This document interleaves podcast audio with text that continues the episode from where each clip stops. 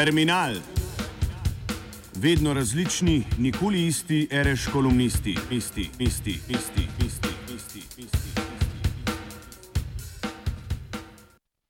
Kadar nanese besede na pokojnine, se med ljudmi najpogosteje pojavljajo izjave o prazni pokojninski blagajni, o tem, da bo potrebno delati do smrti ali da se bo naš pokojninski sistem sesul. Seveda nič od tega ne drži, a po stari navadi v Sloveniji radi vse stvari vidimo bolj črne, kot pa je dejansko stanje. Zato pogledajmo nekaj dejstev v zvezi s stanjem našega pokojninskega sistema. Polna ali prazna pokojninska blagajna je predvsem nesmiselna navedba, ker v tej blagajni na nekem pokojninskem računu nikoli ni bilo zbranih ali privarčevanih sredstev za izplačevanje tekočih pokojnin. V Sloveniji, tako kot v večini držav na svetu, že od Bismarcka naprej velja tako imenovani pretočni ali pay as you go sistem. Po njem se v pokojninsko blagajno oziroma na račun pokojninskega zavoda vsak mesec prispevke od plač ter dodatnim prilivom iz proračuna zbere ravno toliko sredstev, kolikor jih Zavod za pokojninsko zavarovanje potrebuje za tekoče izplačilo pokojnin.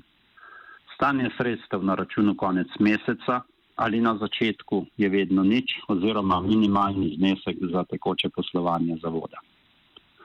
Obvezno pokojninsko zavarovanje poteka na ta način že vse čas po drugi svetovni vojni, pa tudi prej. Zaradi tega pokojninska blagajna nikoli ni bila polna nekih privarčevanih sredstev, je pa vedno zbrala dovolj sredstev za mesečno izplačilo pokojnin.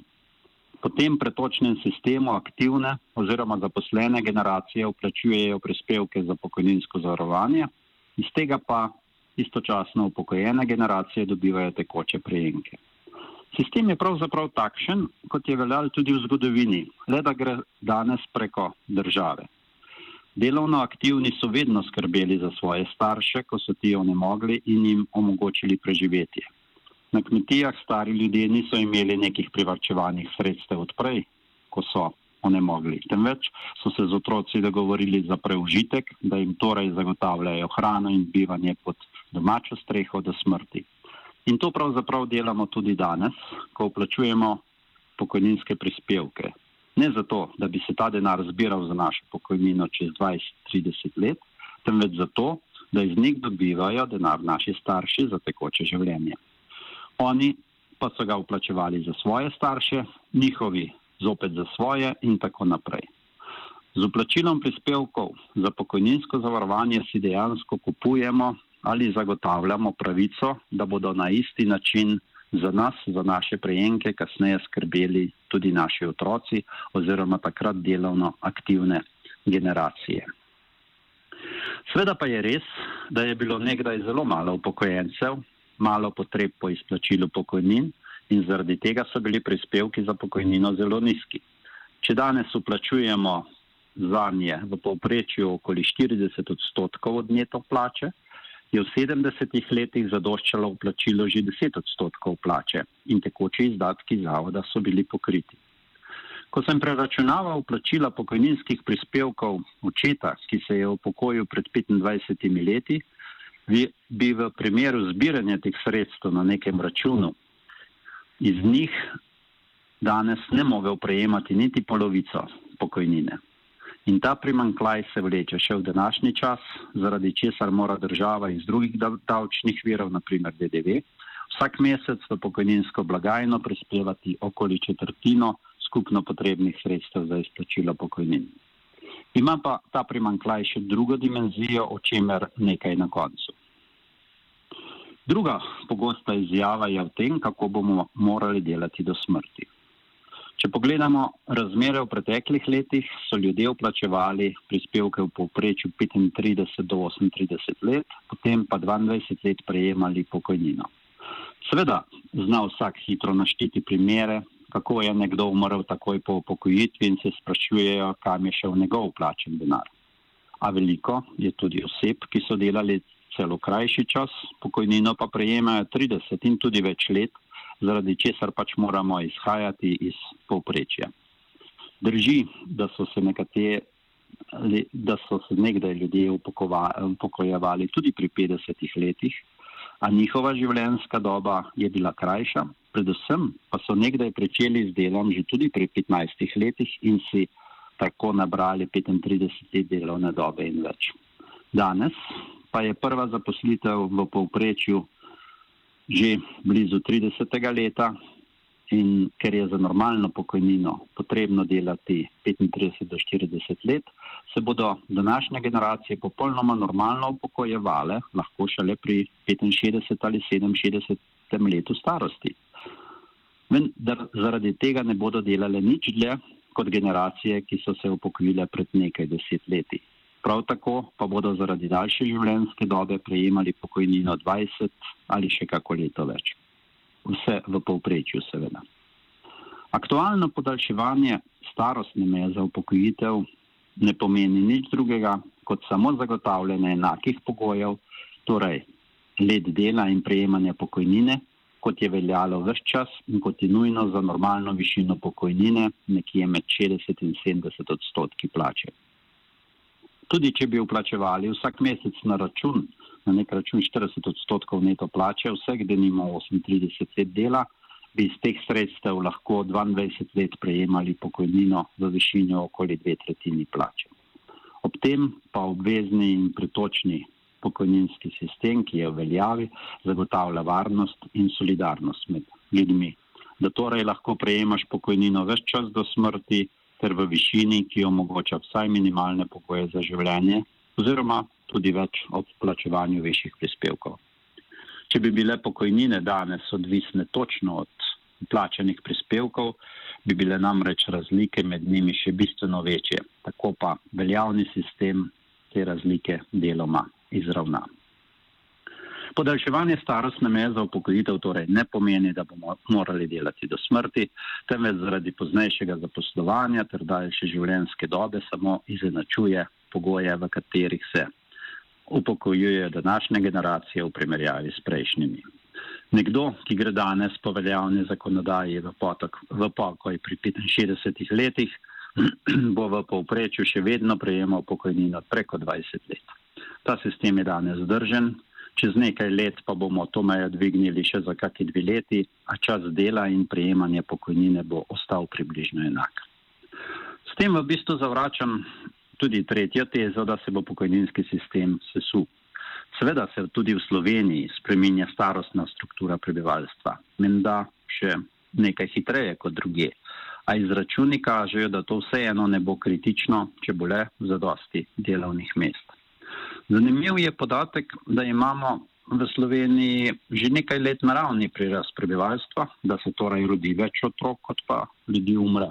Dodatno pa imamo tudi neto priseljevanje in državljanov Slovenije je danes 2 milijona 65 tisoč, še deset let nazaj nas ni bilo 2 milijona.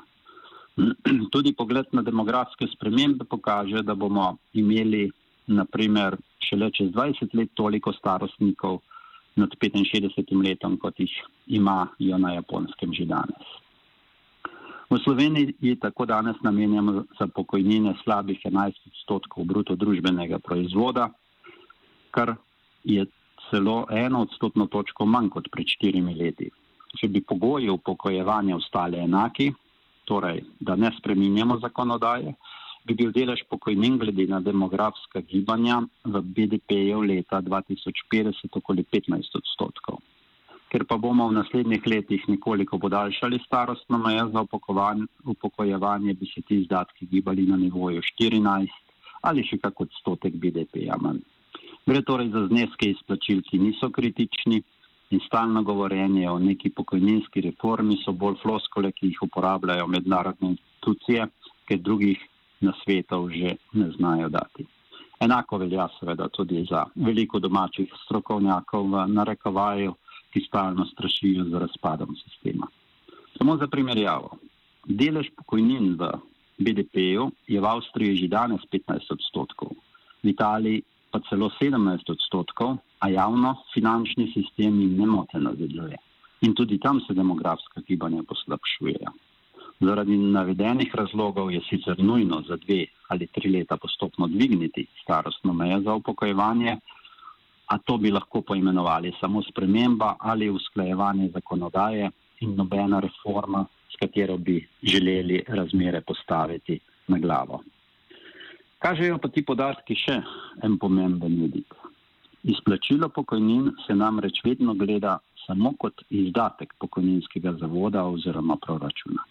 Nikoli pa v teh projekcijah ni izračunano, koliko ti izdatki vplivajo tudi na proračunske prihodke.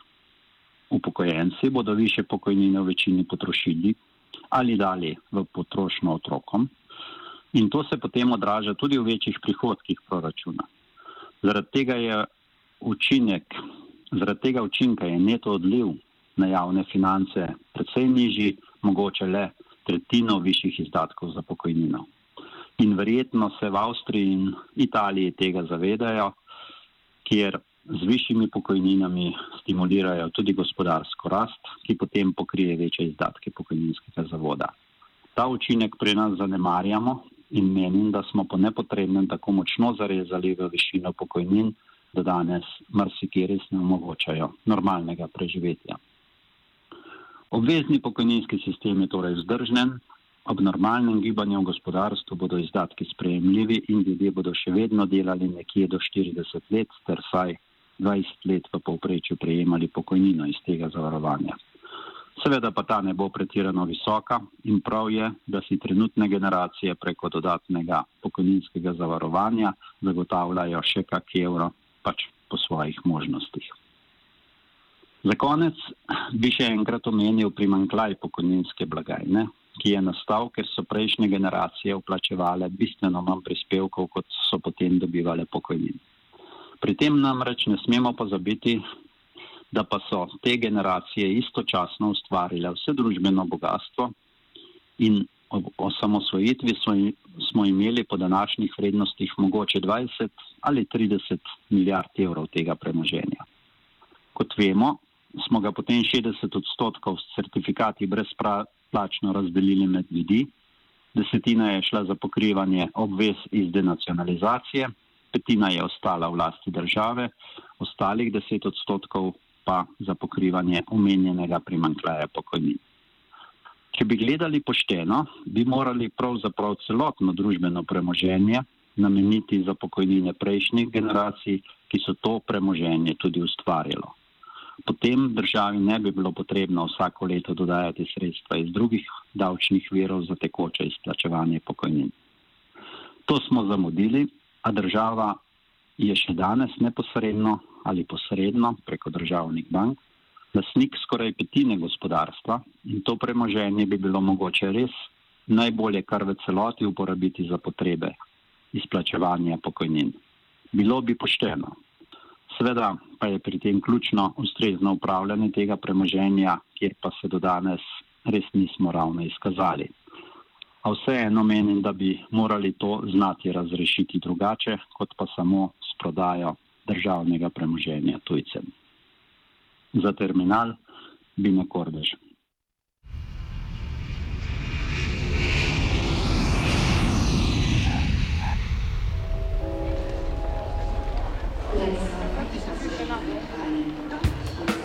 Terminal.